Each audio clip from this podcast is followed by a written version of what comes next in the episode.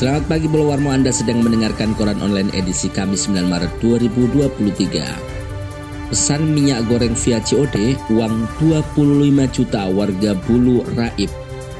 Mau untung malah buntung, begitu istilah yang pas untuk Hasanuddin.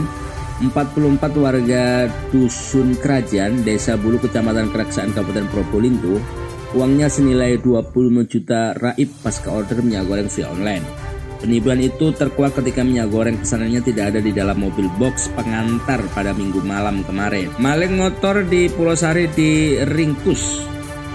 Unit Reskrim Polsek Purwosari meringkus pelaku curanmor. Pelaku ternyata telah berkali-kali melakukan pencurian di desa yang sama. Pelaku diketahui bernama Sulaiman, usia 28 tahun warga desa Kademungan, Kecamatan Purwosari, Kabupaten Pasuruan. Kapolres Purwosari AKP Sawu Supriyatna mengungkapkan Sulaiman sebelumnya menggasak sepeda motor di depan rumah warga Dusun Klojet, Desa Mertopur, Kecamatan Purwosari pada bulan Oktober lalu. DPRD soroti PDAM Kota Pasuruan. PDAM Kota Pasuruan mendapat sorotan dari DPRD Kota Pasuruan. PDAM dinilai perlu banyak berbenah. Dewan meminta pemerintah benar-benar jeli dalam menyeleksi figur yang bakal menjabat direktur.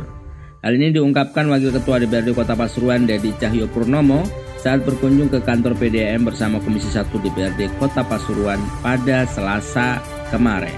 Sempat dituding overlapping dan dipanggil BK Ketua DPRD Surati Kapolri soal tambang ilegal.